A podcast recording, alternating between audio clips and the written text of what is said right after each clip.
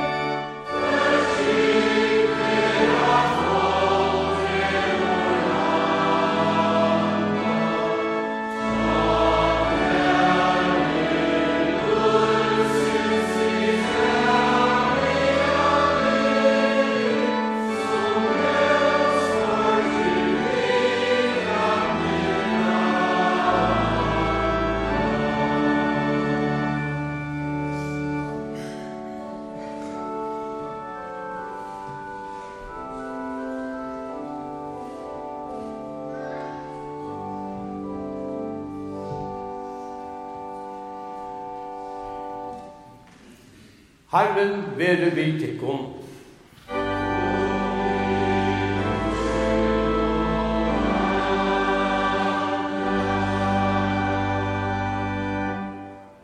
Lært om okken øl bia.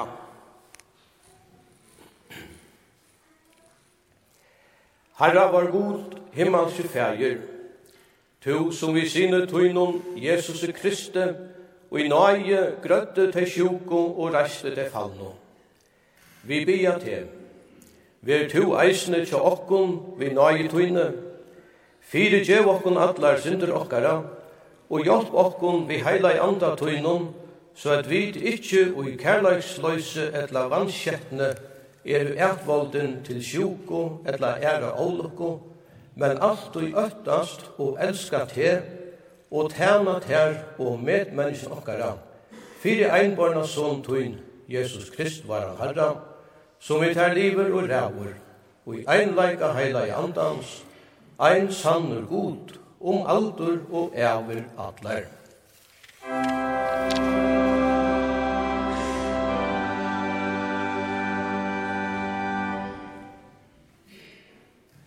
Epistelen skriver Paulus apostel til Efesus manna.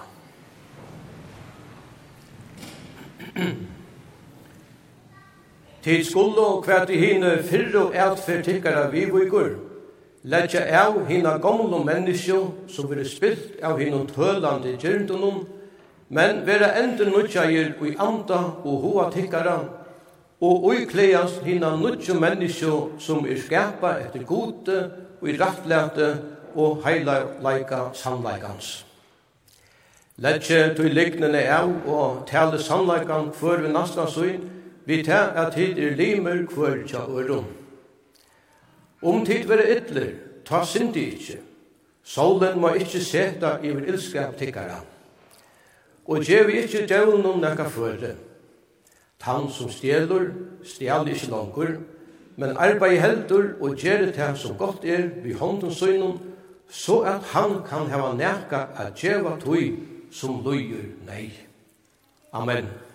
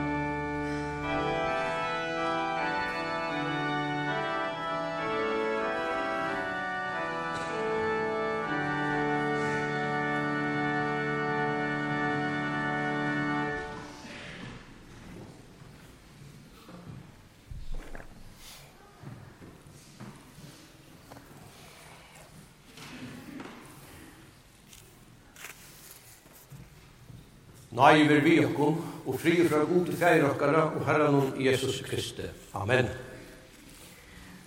God sverre,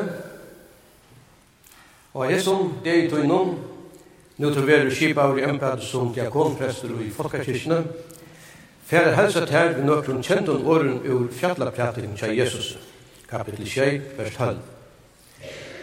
Alt her som tid til vilja, at menn skulle gjøre mot tikkum, Det skulle tid eisen gjøre mot teimen, at dette er loven og profetene. Amen.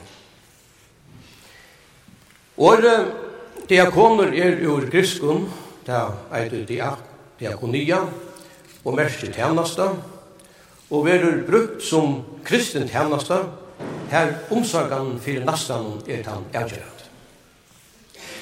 Ein den kjentasta frasøknen i Nudja Testamentet man utan iva vera frasøknen om hin miskunnsama samarbygda. Og i frasøgnene setter hin lovkone tvær spurningar. Og i fyrsta leie, hva skal jeg gjerra for jeg kan arva av liv, og i øren leie, hver er naste mun?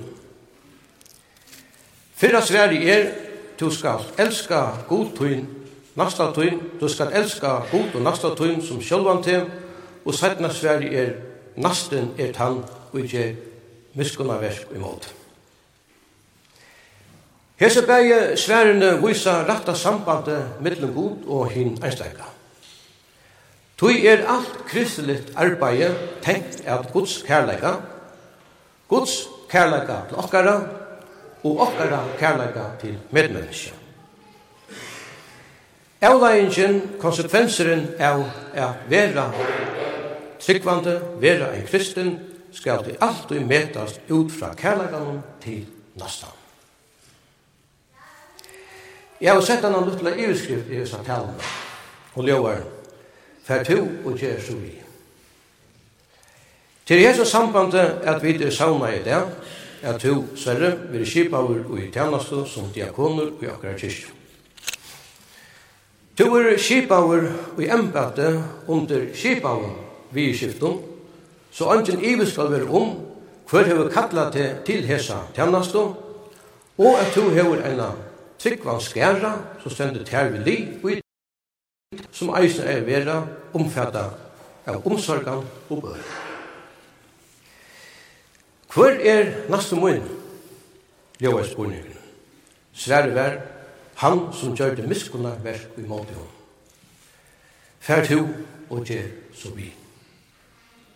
Tja gode ver ønsken mannamåner kjørter. Vi er øll skapa ui gos mynd, vi tæva øll lykka støk vire ui gos eio. Tui jeg så elska jeg god heimen, at han gav som sin einbarna, til tess at ein og hver som tror han ikkje skal glætast, men heva av. Til er av tøtninge at heva et godt bætland ui tennastene. om öll mörsk. Hetta hevur tú longu mest og liva eftir sum sjúkrahús og og vit liva í ein lande við skipa og viðskiftum. Men ta jo mong sum ikki kunnu skipa seg sjálve likamliga, salarliga og annan hátt til at lívi gjørtes og trúbult og møtumikki. Ja, Vi hava nek menneske som hava ilt i løyvene.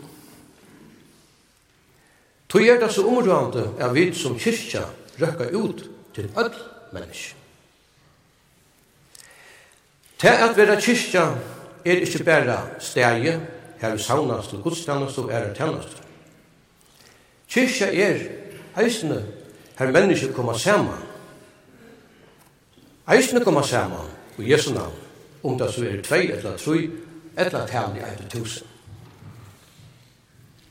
Men kallet til okkara som kyrkja er til okkara som nu eier dagen, løtena, stundena, at vera menneska fire nastan, hver han så er. At vera medmenneska er avleis av evangelien, og ta eier vid enn betra læra. Men her bilar det mengan tjokken. Tui, vi spyrja eisene, vi henga ut i samme spurningsen som av sinne. Hvor er naste møy? Vi setter spurningar i stedet for at virka fyrir nastan, tui nasten, hvor han som er, eier eisen løtena, det degin, just nu. For noen år siden kom ut en bok vi heiten om Kyrkjan Argar, som danske presteren Haldur Hald skriver. Haldur Hald arbeidde eisen nekk við art i kyrkjelige fellesskapen krosshereren til kyrkjene eller kyrkjens korsher. Og i bokene vidtjer han just henda samme spurningen hver nasti okkara er. Rithøvende legger dette at kyrkjan hever en tøyande oppgave ta et talan om de veiko i samfunnet. Kyrkjelige hjelpartjenastan, diakoni, ta vers likams og salar, eier til en sjølvsagtan rett bæg i godstjenastene og ut i kyrkjelige arbeid som held. At kyrkjan erkar skal vise at just kyrkjan eier ganga undan og i tjenastene fire nastan, lykka mykje hvor nastan er. Eina stendu i bogen tekrast og leis til, da han skriver om det lujande menneska. Hefur hesen bruk fyrir mer, er i e nasti hansa. Leik parstanur etla rollunar vera bytar om. Ta er det ikkje e som er i herren som skal gjere av om i hau ho at hjelpa etla ikkje. I hau skyldi til at hana honom ut i konkrete støvne som jeg opplever sammen med nesten. Jeg er en tænare som har finnet en oppgave. Vi er når om det er han veitje i hverje støv han annars er som setter dagskranene om at hjelpe og ikke mynner så annars vøkra atlan. Tøy, styrkjen er at hjelpe liggur sostat og i veikleikanum tja nassan. Hetta lyser rithøvendin så vi hesson årenum. Tryggven flyter sentrum fra en menneska, fra seg sjálfum, iver av Kristus. God brukar styrstu søyna at gjerra seg veikan saman vid lujande menneska. Hetta er nasta kærleikje, så det forstær. Hette trygg virksom i kærleik. Er tryggven flyter sentrum fra en menneska vi öllum lovun og fyrirskipan og regluverset fyrir rødt og løyve iver av Kristus er det samme som at kjenna Kristus. At kjenna hans er kærleika, nøye og fyrirgjøvende syndalega. Ja, hetta er det evige løyve at kjenna Gud og Jesus som han har sendt til som herra og frelsara. Vi kunne heva som nekvar og vekrar atlander som huksas kunne, men heva vi ikkje trygg som er virksom i kærleika, fettler alt til gjerrar, ta er alt ter bero låter. Oppgavan til okkun er at hjelpa nasta okkara hver hver og hvordan han er. At hjelpa nastanum er eisne at kjenna sinna tui. Til at rødt til at hjelpa ut til rødt og løtten. Ikkje fyrir løttevinning, etla vi bergtanka, men av kærleika. Det er så imens som nasten hevet det, til at vita vidt og daglige liv, sjuka og loyingar i ymske til likams og salar, og kanskje en budskaper som er vi kjellige sår. Vi kunne sette spurningen, her var vi en av kyrkjo som argar. Evangeliet for åkken alltid at hoksa. Og i samfunnet verur nektosa om ræfestingar. Ræfesta vid i kyrkjene tar jeg til tala om nasta. Sia vid fra tar jeg nasten lui nek. Hver er samvisk okkara og i öllum tæmum avkjørum som tyknar vera i okkara tui, bægi og i menneskjastlium og i bústavarlium skilt. Okkara tui høyra vid og sutja vid hver nasti okkar er. I bløvnum, i utvarpe, i sjónvarpe, av gøttene, i milnum annars. Så er det til hendan dagliga verleikan som tunu er sendt ut av virka ui. Alt det som tid til vilje at menn skulle gjøre mot tikkum, det skulle tid eisen gjøre mot teimen, det heter loven og profetan. Hes i årene være eisene som kunnot kalla en gilda regla, eller megin reglan fyrir lui og tjernast i öllum vissi tuin. tøyn. hes i årene djeima i atleir tjenast i tuin.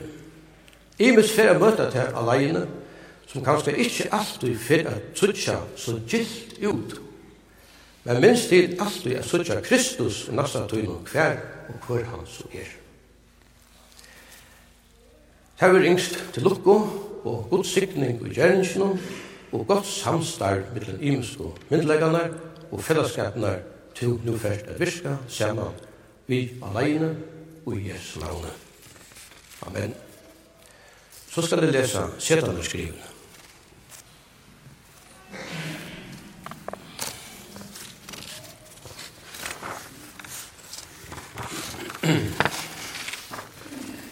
Fyrst setan av skrive, og om setan som diakonprestur fra landstyrkene. Visande til tilmelde fra biskopet om tilrægingene fra setan nevntene, seti i tiden i embetet som tjernastamannen setter diakonprestur fra vi 1. september 2023 i Ratna. Tjernastamannen er ikkje avmarskaver landafrøyene, ja, men málbøsken er folk og hava avbjongar vi ein skibaun, gjerra stegi og gjerra sosialt vibrigin til dømes og mun til arbeidsløse, bundenskap, heimløse, etla i skiftnum mellom arbeidsløy, fritid og akva og mal. Vi hese setan løse til samsum ur embedet som sjukrehus og fangsusprester, vi tannast skilto i solsrevar estra prestadjate fra vi 1. september 2024 at rakna. Tion verur anlagt at halda ter fyrirskipanir vi asetta vera for starve, og samvinsku fullt at luka ter seitir vi lagt tær eru vi starve. Starve er tujara marska til fyra år, og kan vera lagt ved fem år. I nøyta høvi er initiativ allra besta i hese spennande og nyskapande starve. Vekna almanna og mettamallarei, Sigur Stenberg, Landstorskvinna. Og så skal jeg lese Latsen fra biskopet. Her biskopet til kunnet at han møttemalerei 14. august 2023 jo tilnæmt Serra Steinholm sjukhusprest at virka som diakonprestur fra 1. september 2023. Og da han av rattan hatt er vukter å være prester i Falkanskirken. Gjeri her vi embedsmes vegna vittnesfast at han er rett tilnæmt diakonprestur vi tar seid at han røkjer dette embete sutt vi utne, ratsene og troskapet, samsverande hathøyelige lyfte som han giv. Her vi innskje i hånden og samstars og visskiftet for tjansere, vår Herre Jesu Krist nøye, Guds kærleika og samfella heila i andans. Biskopsøen Ferja, den 1. oktober 2023, jeg var Fru som biskop. Til dere, jeg at noen, Jesus fyllt her alene. Takk for det.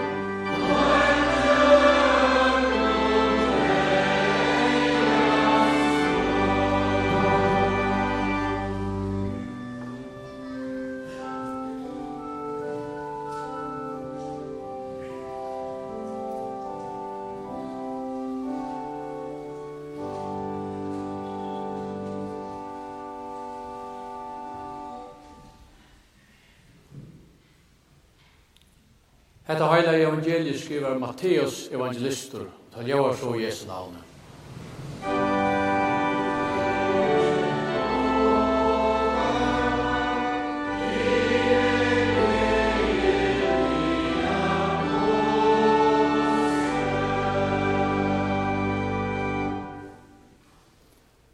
Og Jesus støy inn i baten og fjord iver om og kom til sinne egne bygd. Og så Tar kom og berande til hansara vi en giktsjukon manne og i vi en sång. Og ta Jesus sa tryggtarra, sier han vi hin giktsjuka, Sånne mun, hev to godt reste, sinter tøynar er ut her fyrtjøvnar. Og så i nekri av tøymon skriftlart og huksa av vissar sjolvun, hese mævren spottar god. Og ta Jesus sa huksan tarra, sier han, Hvor hugsa til illt og hjørstun tykkara. Ty a kvært er lattari at sia synder tøynar er ut her fyrirtjøvnar, etla at sia statt opp og gakk. Men fyrir at de skulle vita at menneskjøssoneren hever vald og gjør til at fyrirtjøva synder. Ta sier han vi giktsjuka, statt opp, takk songtøyna og fer heim til husa. Og han stod opp og fær til sin sjåls. Men ta i manna mikvinn sjå hetta, ötta oss her, og prys av god, og prys av gode, som hei givet mannen slukt vald. Lært jo kun hjokt okkara kristne trygg, saman i avnokte djevelen og allar gjerningar hans og atlan ætbor hans. Et trygg vi har god fægir i allvalda, av himens og gjerre. Et trygg Krist, kun sveinbornas son var han herra, som er giten av heilavun anda, borne heim av Mario Moi, Vinslaver under Pontius Pilatus, krossfestur deigur og gjerravur, nyur fær til helgar. Tria degin stein upp fra deigun, fær til himmals, sittande vi høgro hånd, Guds fægir sins alvalda, hean han kjemur a døma, livande på deigun heilige anda, den heilige allmenne kyrkjo, samfellet tar heila vår, fyre kjevig sindana, oppreis likhamsins, og loiv om altor og æver. Amen.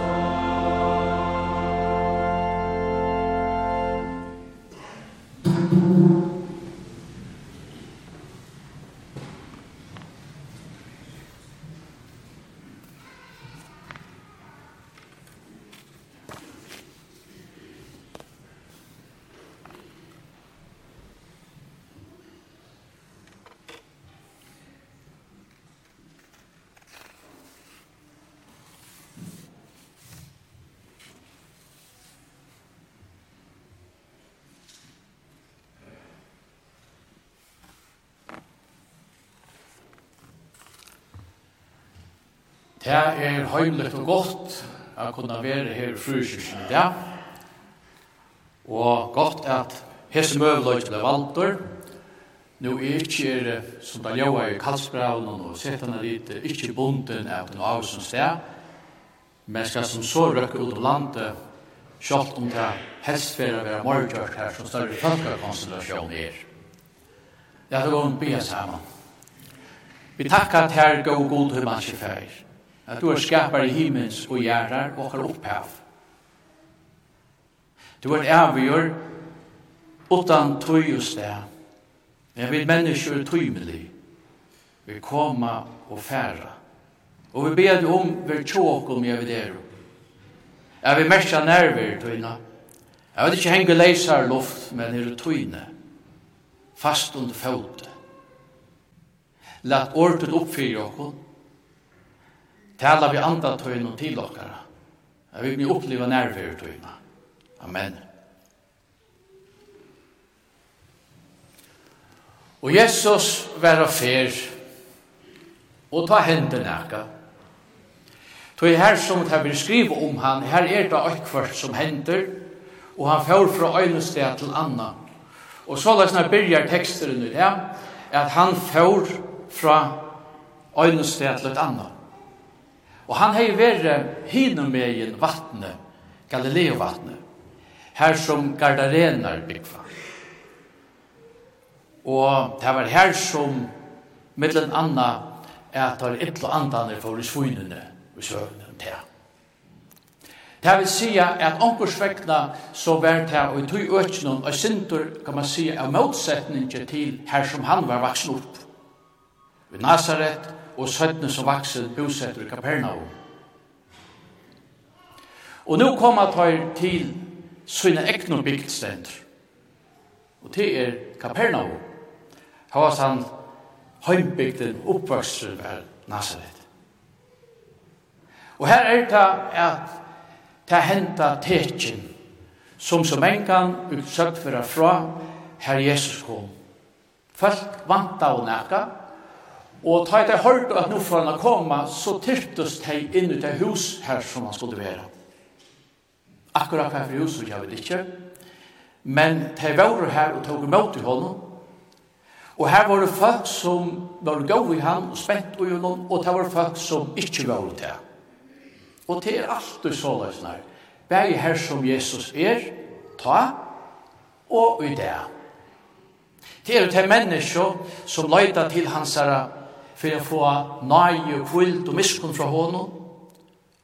Og det er de som vil akkære han, eller finna skøyvløyene av honom.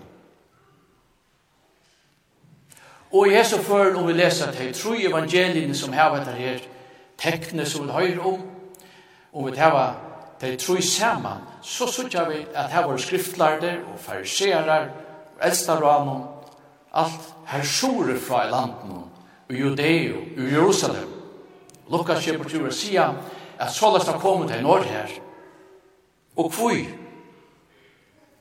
Onkur kanska vi røtten sinna det, fyrir at vita hva det godt må det være høyre.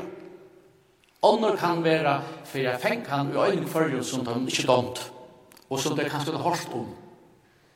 Og bare til at en person som Jesus kommer, og han för tillhängare folk er respekt och at han dover kan eka, utan at det skilja dubden ut og så väcker det øysene övensjuk og i øro.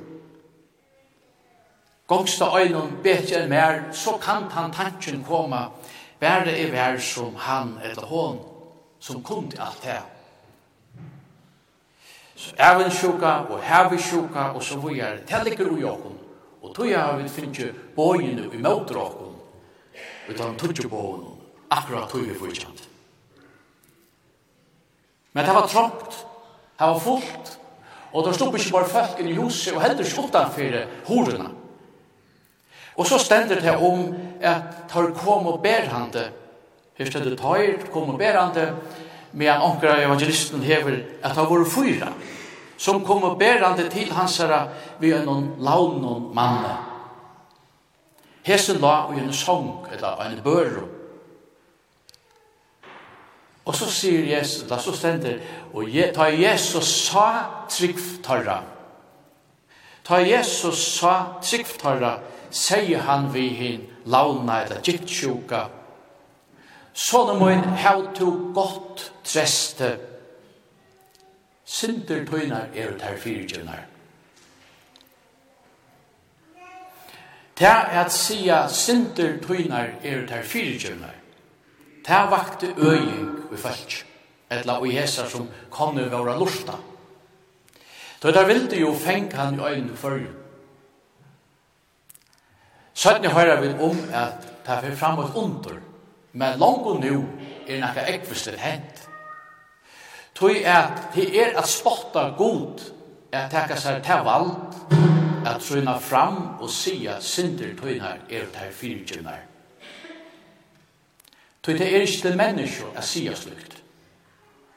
Og tå så sier Jesus det, tøy han hever myndeløyga til det, finnje fra fægersøy. Han hever myndeløyga fra fægersøy. Vi skifta, vi skifta, hva så her?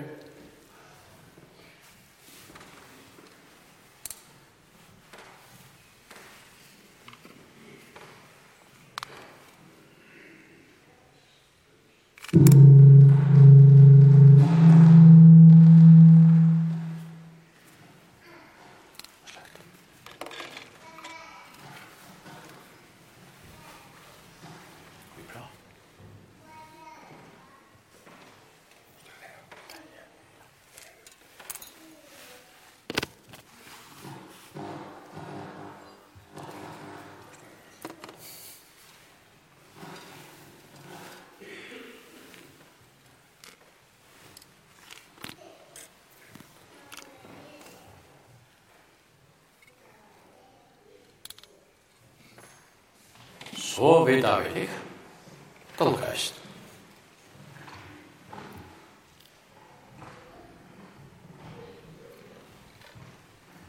Hese mæveren spottar god hver dømeren tar felt og iver han.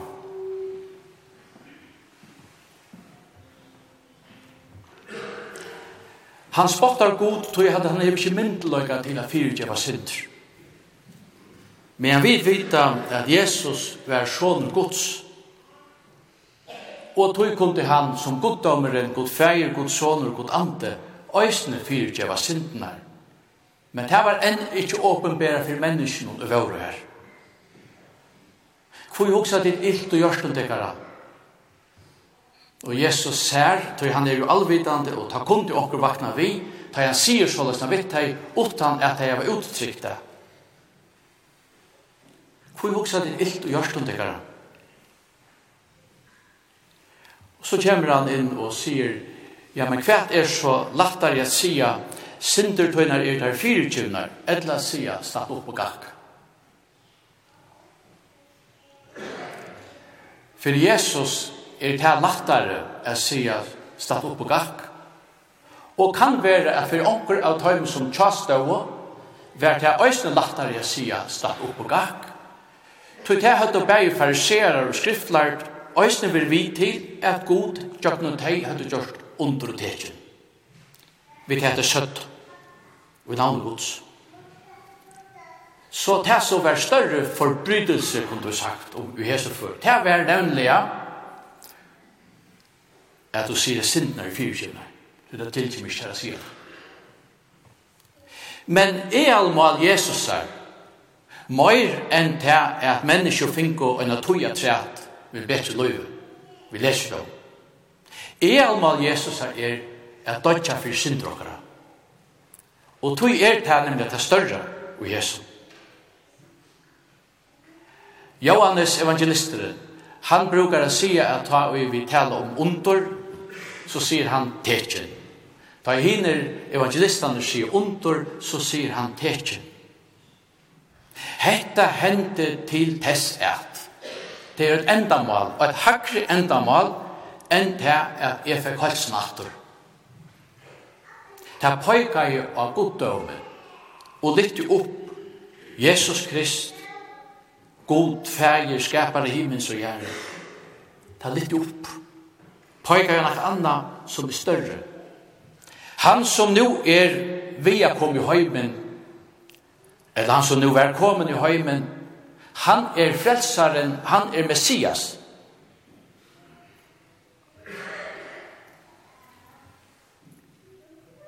Så er det Jesus sier, han akkader denne mannen og sier, sindertunna er jo fyrirtjuvnar, og han sier vi, han stad opp, takk songtunna, fer heim til husa. Er det samband i middelen sjuk og, og synd? Ja, det er det. Det har vi dømer med i. Er det så løsner at han som sjukur er hef synda møyr eller ørvisen enn annar, det er sykja vi ikke. Kan vi okkur døme. Men vi dødja vegna syndina. Og tog er nemlig samband. Og anki menneska fer hiane utan øyne fyrja dess forsøk. Og så vil skriva nyer. Vi kommer han til døye av torje og torje grund. Så Jesus, han kunnker sintan av fyrirkjøving og er evet loiv. Maveren som røste seg føtter, han fikk, kan være nokre år. Men her stendur at han får glæver bortur, hjertans glæver, og han får lovprysande godesøyna fyrir det som han opplever. Han hei bægi finnje høytsubøt, og så hei han øysne finnje evigt loiv vid trygg av Jesus Krist. Alt tog hansara, omgant jo ansamma til møyr, alt tog og i Guds hånd.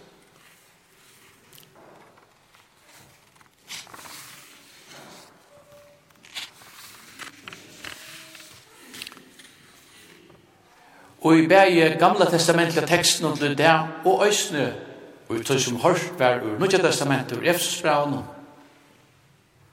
Her er det nekka om sintana fyrirgjøving. Og i Efsbraun vi er lært om, ja, nu skulle vi vende om fra tøy ytla vi tøtt oss et, og er vi møtte Jesus. Til å leve et nytt liv som han hever vust okken nå. Og vi skulle legge av sintana, Og hever nekv skriva om synd. Og så er det at folk spyrja i det, ja, men synd, hva er det? Gjer jeg ikke som vil, eller kan ikke det? Jo, det kan jeg. Men det som jeg vil, kan få avløyinga for løymut, og for løyve til øren. Så hvordan er livet løymut? Det er livet, det er ikke ansamalt, men det er for avvarskan og ta miljø eller ungfør vi er jo i, så eller så. Tøy har vi det tutje bøyene som halvt okkon, av måttene kunne vi sija, om vi nu liv etter dømum. Og tau er vi ikke mekna, så standa det her som okra vedløying. Vi skulle leva såleis, til det gods uttrykk og gods vilje. Og levde vi såleis, så kunne vi sagt at så var himmelrykket i jæreska. Og tog vera vid apostlen og mynd og at tog vera endur tidsje, øysnu i fjallarøven til Jesus, om at halda kom borstur fra det ytla, og som det stendur her, ikkje djeva djevlen og nekka føre. Og så nekka løybøyningar og hvordan det kan gjerast. Og det søgnast ut i som hever vi Efsos brev i gjerra, så stendur at han som stjeler, stjeler ikke langer, men arbeid heldur, og gjør det som godt er vi håndensøyne, så at han kan heva nekka djeva tøy som løyer nei. Og det er så frastande, så løys at jeg kunne arbeid nekka tøy mar eika og kjept mer åkt først. Men her stendur, arbeid heldur, fyrir at du kan oia nekka djeva tøy som løyer nei. Og så er vi inn i nøkron av tog som domprosten les opp i Johanne fyrir mer. Vi skulle altså strujas fyrir møyre enn tog at øya møyre av hesen og hesen. Det er nekka hakre til okkar medmennesko. Vi lever ikke en så Robinson Crusoe og en er øytnar i øyt ensamøll.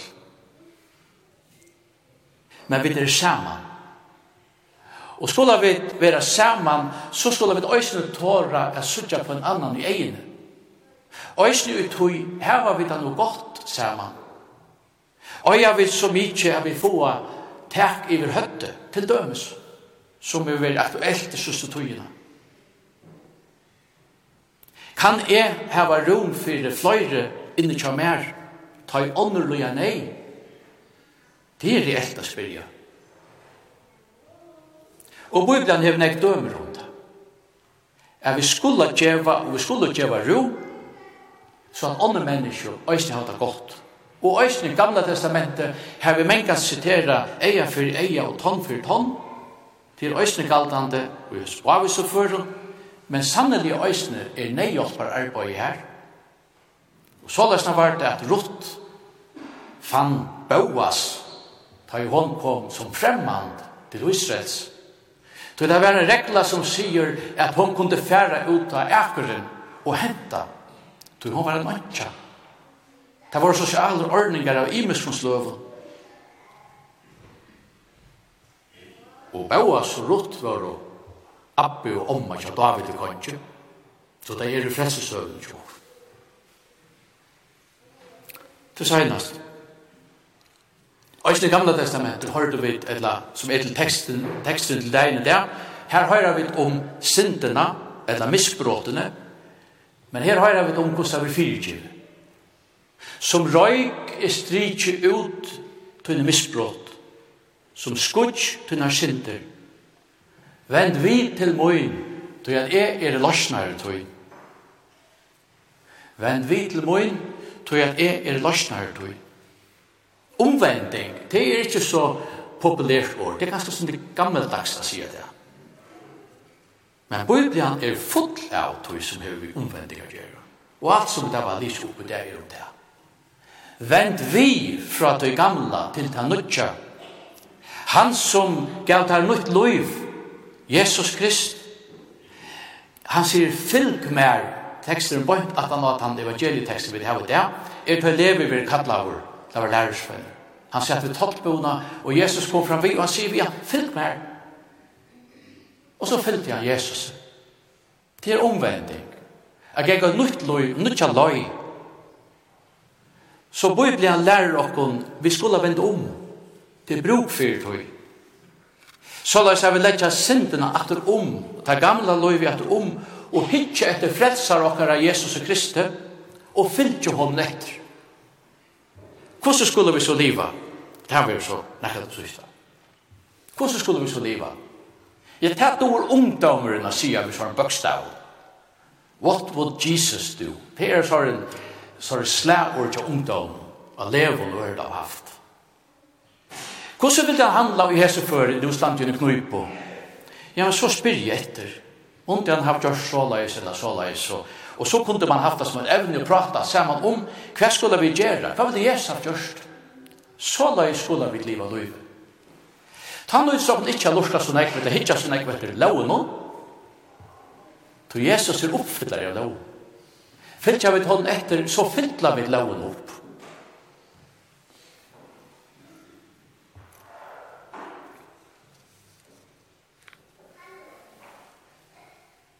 Så sier Herren løsnar i tøyn, og i mynd at det hever fra maurløyve. Jeg er i Herren, og i skapa hever alt. Som ansam at lort han ut himmelen og brøyt ut hjørna. Hver hjalte mer, spyr han. Det var Jesaja-teksten til det. Er Herren, er løsnar i tøyn, mynda i te og i maurløyve. Er i Herren og i skapa hever alt som ansam allar tante ut himmelen og brøyte ut hjørna hver hjalte mer gau og medmennesko Lætti okkon fra byrjan av bjau öllum menneskjon velkommen i heimen Du vet øye ångan. Vi er gods. Toi Herren hever skapa alt. Det er han som mynda i okkone mårløyve. Minner han Øysres folk av. Og minner han okkone i det. Og lette jo okkone gjøre det så løs at det har vært godt tja øtlun og i suttja dagsins ljøs. At vera okkar mittlun. Jeg vil roma alle menneskene oansett hva du skaper, eller hvordan det står ut, eller er at ødl får rom okkara mittlun. Luka verdi. At ans og Jesus Kristus hever frelst okkun som er det sikva av han. At jeg òsne gjevet han båskapen vujar til öll munne medmennesko vi fotlar viring at han så god elskar i meg og elskar okkur, så öll ånder menneske og isne. Lætt okkon geng undan ut tog.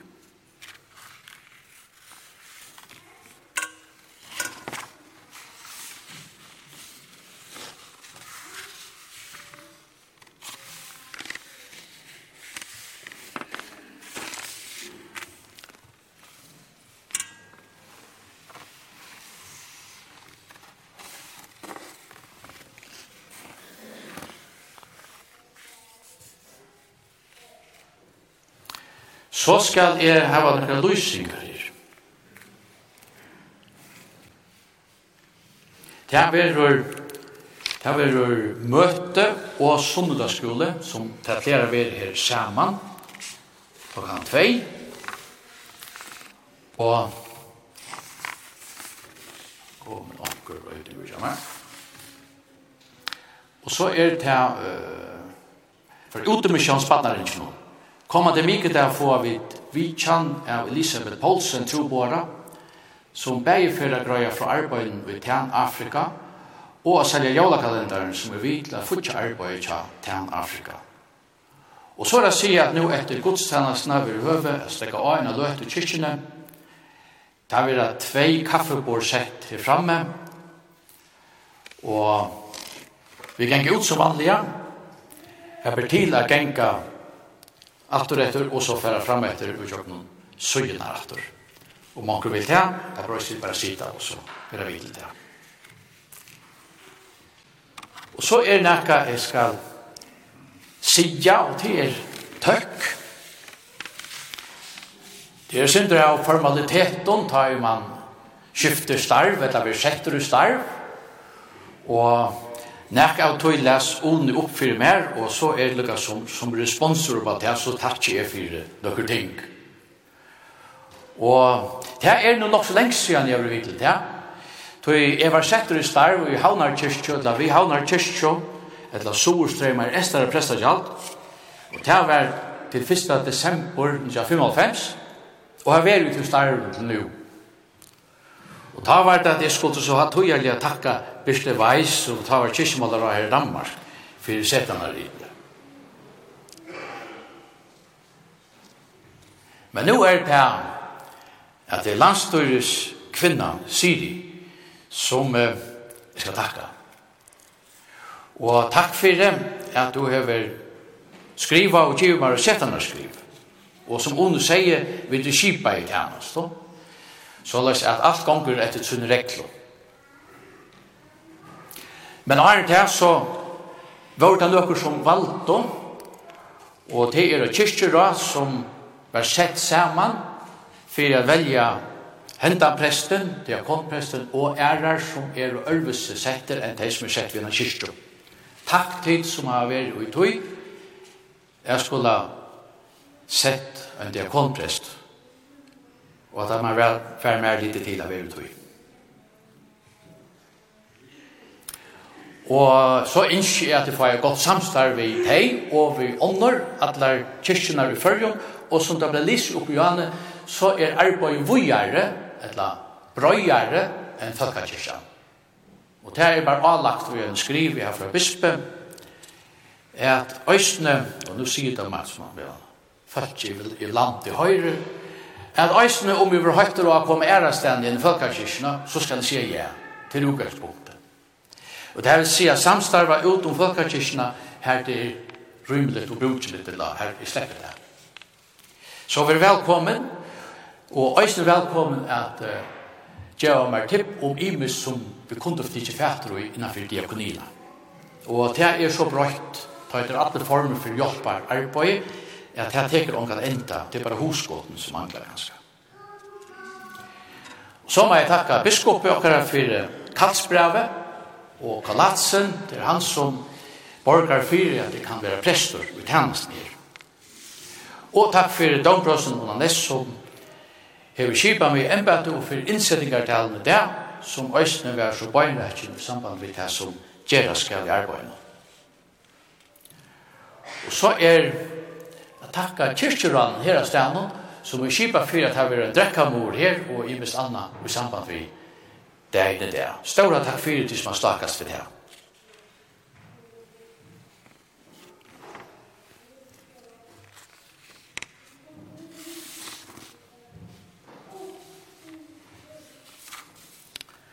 Lætt okkur bia.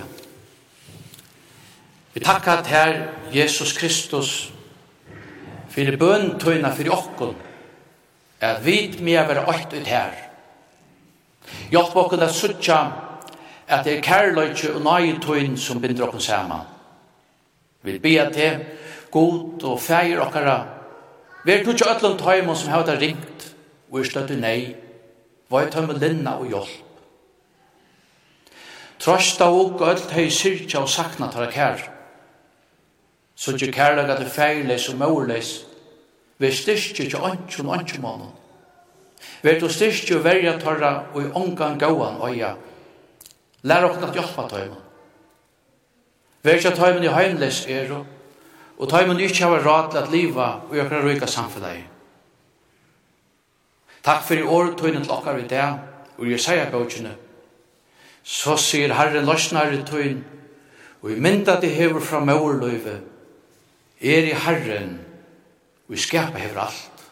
Hjelp okken såleis er vira og vera om kronene av tunne skapende verset, fra maurløyve til naturliga deia. Legg to fri tøyn gjørst åkara, og skapa fri mittel heimsins tjauer og land. Læt fri kom att valda atter i Ukraina. Og nå ber vi til halvt håndtøyne i falsketøynen i Israel. Og jeg sier at jeg må vende om og gjøre at Jesus Kristus er frelsere tørre. Men det er bare jeg vil gjøre at jeg tar løsta i er som syrkja og sakna tørre kære nu krutsk er brost i av Israel.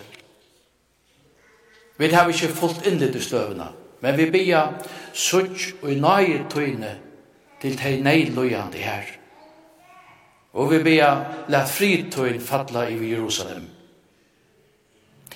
Vær du ikke taimen som sjuk er og, veit ham en hølsebøt, linna og trost, og hjelp okken som omtei er og, jeg veit at ham kærleik av omsorga. Stig av styrt er gamlo, Lois fyrir taimen som skal innom deians gott, og hjelp taimen og okken öllum vi, er liva og i upprøsna vånene. Ver vi følt tjokkara hver teg en arbeid og ferast, ver vi sjåfølt tjokkara ut i havnen og ver innan bara tjatheimen, Varva et henne kjatt her for det etter økne gåen. Og sykna og varva et alt kyrkjeføtt ut vore om heimen, og lett året ut hava at færa.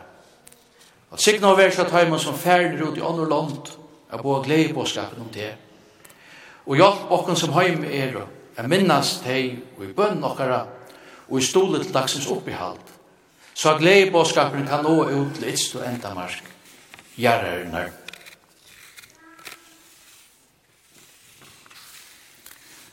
Vi er det om for evangeliet bor nokkara av sin heimalante, troboaren og presten, prøvstu og biskope, lett år til ljøa så leis i jøkken okkon, at mennesker med vende om, og være frelst og liva samsverande omvendingene. Vel sikna og varva et öll som er sett til å styre råkara mittlån. Vi er vi løgting til landstyr okkara, at arbeidet har med å være land og følt okkara gagne, og tergå og god til høyre og ære. Valsikna og var var løgman okkara og alt hos hansara. Valsikna og var var drottning okkara og alt hos hennara.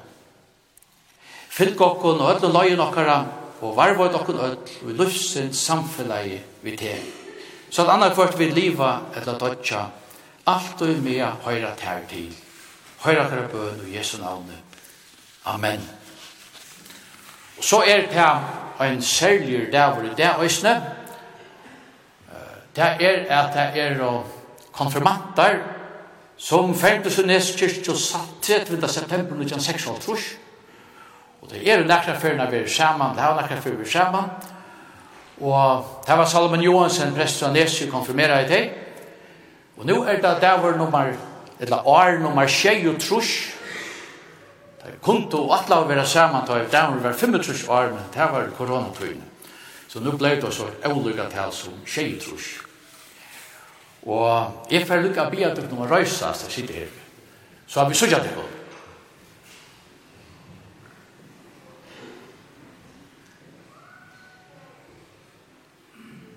Nuttjo sær ut av møtter. Ja. Takk for det. Og så da han søgnet seg døtjen og til er til familiemøyna, til Arnkar, konemøyna og bøttnene, og badnabøtten, sviarbøtten, og så er det syskjemøyne, og så mange ånder som har ligget illt av å være familie med meg. Så jeg er så avstøv og med rundt at det er mulig å ikke alt snakke kilo i. Takk. Takk for at det er her og lykke på. Og jeg har vært her frats, jeg har kvart røy med og færre ångstandet til en oppgave, og så kommer man andre enn tre, og ånden spyr etter meg. Så vi nesten er det så, at vi kvart er yngst at ånden jeg hadde glemt det. Og det kan skal være oppa til verre i hesen. Det hitt vær så sjukker så fangst det kunne løyta, men nå er omga stedene. Nå er det stedene. Så takk for det. Ja. Lætt å gå i apostelen ikke for røy. Herrens Jesu Krist nøy og kærlig til Guds og samfunn og hellig andans vil vi og nødlom.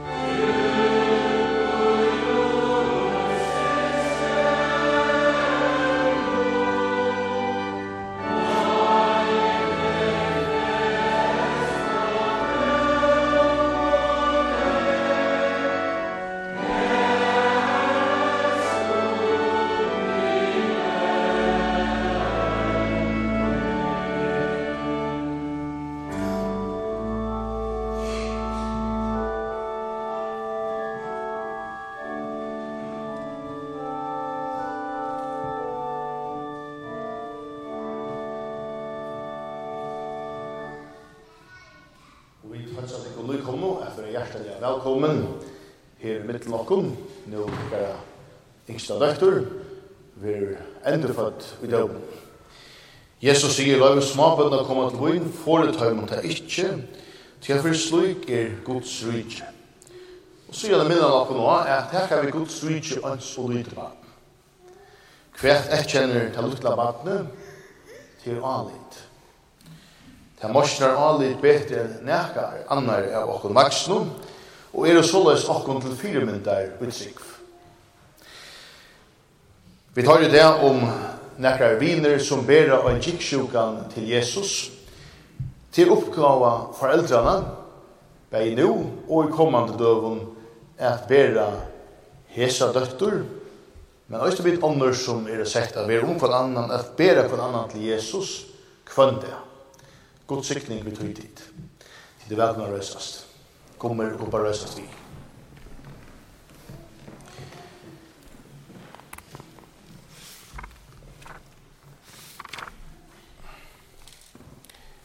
er vatne heimadrekt. Lovar vi god og fæg vars herre Jesu Krist, som etter mikro miskunnsynen hever endurfødt okkon til livande vøvnar fyrir upprøysten Jesu Krist fra deg. Og lete okkon öll bia.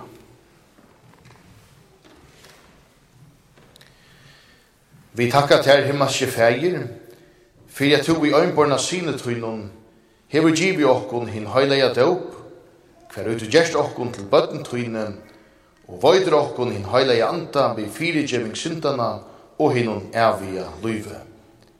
Vi bia til, takk vi nøye med det som batne som vi bera fram for tøyne asjo.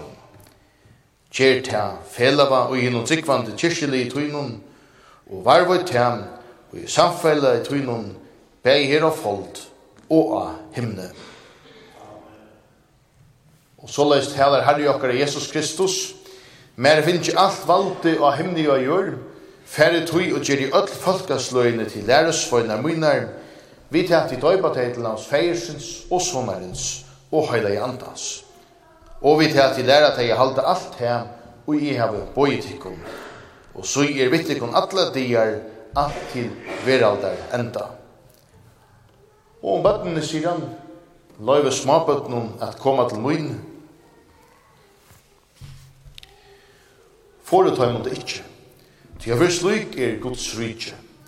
Sannelig jeg sier til hun, han vil ikke teke vi Guds rydje ans og lyte baden, han skal alls ikke komme en ut til Og han tok teg faun, og han sikta teg ut av de hendene av teg så vil jeg vita hjelpa her som badne at sikning hans herra, vi er døypa til hans heirsins og sonarins og heilige andans. Så kommer du opp døypunkten og kommer når kommer vi.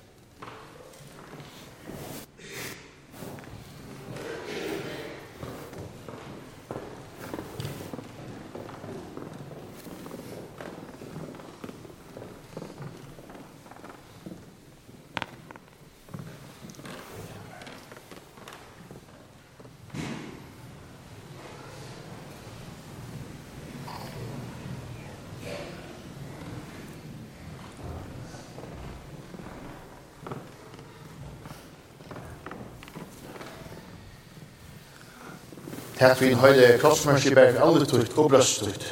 Til vittnesbør om at du skal tilhøre innom krossfesta drotten Jesus Kristi. Kvosse øyter batne. Vera ene av skansa. Vera ene av skansa. Elnoktar du djevelen og atler gjerningar hans og atlan etbor hans. Ja. Trors du at god feir hin alvalda skapare himmels og gjerrer. Ja. Og Jesus Krist Guds øynborna son var en herre, som er giten av høylavun anta, boren i høym av Marie Møy, punstav rundt Pontius Pilatus, krossfester, deir og gjeravur, nye færen til helger, tria degin stegin opp fra deion, færen til himmels, sidande vi høyre hånd Guds feir sinns alvalda, hene han kjemur at døma livande og deg. Ja. Og høyleien anta, høyleia allmenna kyrkjum, samfellat har av heilavum, fyrigjeving syndana, upprørs ligamsins og liv om alder og æmver. Ja. Vil du være døpt etter hese trygg? Ja. Vera ene av skansa i døybethet hans feiersins og sonarins og heila i andans.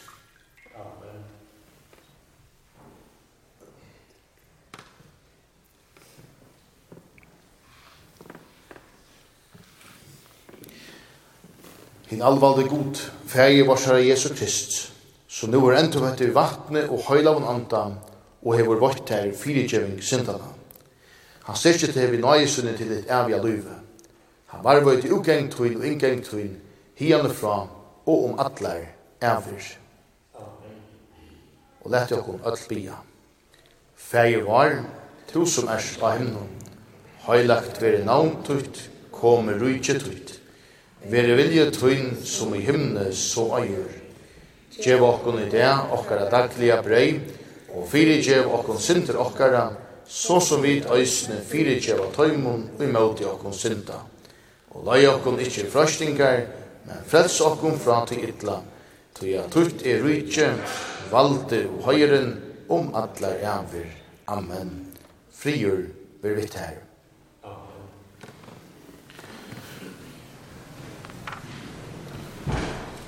Og tid og i fatsar er om at hesson vattnen kunne vittna at det er dørtelans, heiersens og sonarens og heilandans.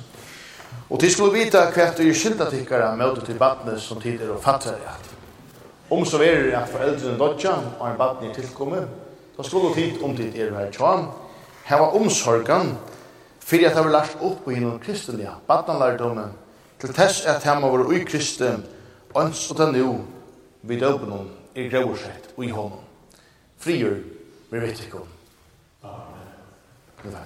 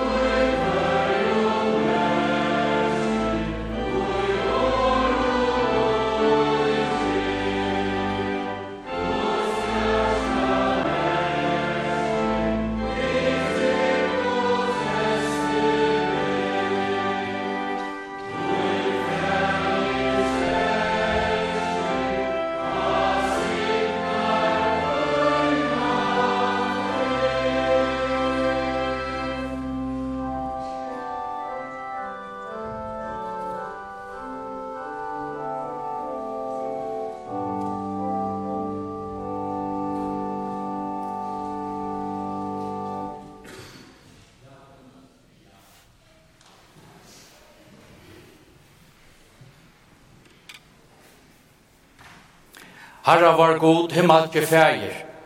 Vær takkun ter for seg fægir og velkjør tøyna.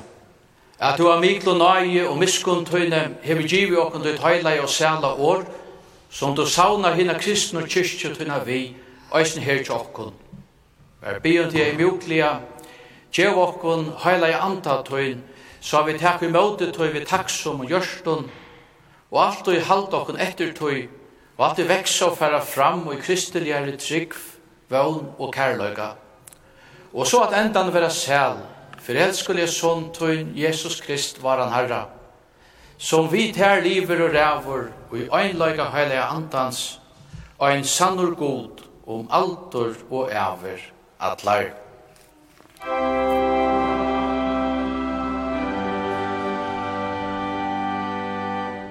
Herren ver vi tykkon,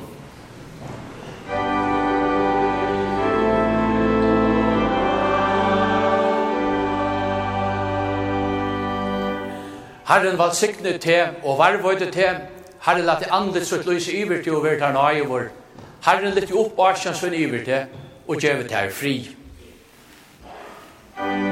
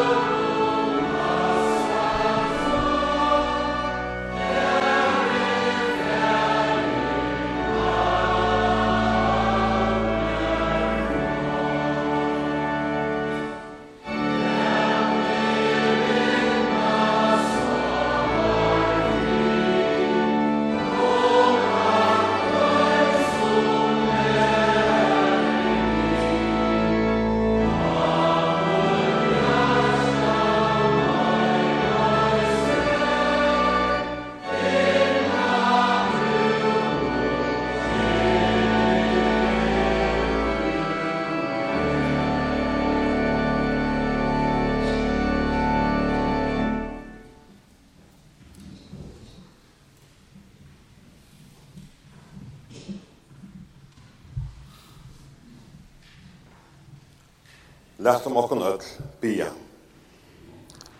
Herre, jeg takkje til av öllun hjärsta munnen, fyrir at du hever lagt med hva du vilt at jeg skal trykva og gjera.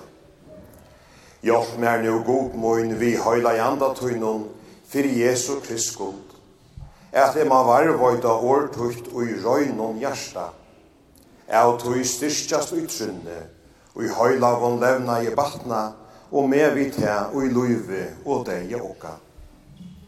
Saman via vidt, Fægir var, tu som erst av himmelen om. Høylagt ver navn tukt, komme rujtje tukt. Vere vilje tuin som i himne så agjør. Gjev okkon i det akkara daglia brei, og fire gjev okkon synder akkara, så som vi øysene fire gjeva tøymon og i møte okkon synder og løy okkon ikkje ui frøstingar, men frels okkon fra tu ytla, tu ja tuit er rujtje, valde og høyren, om atlar æver. Amen.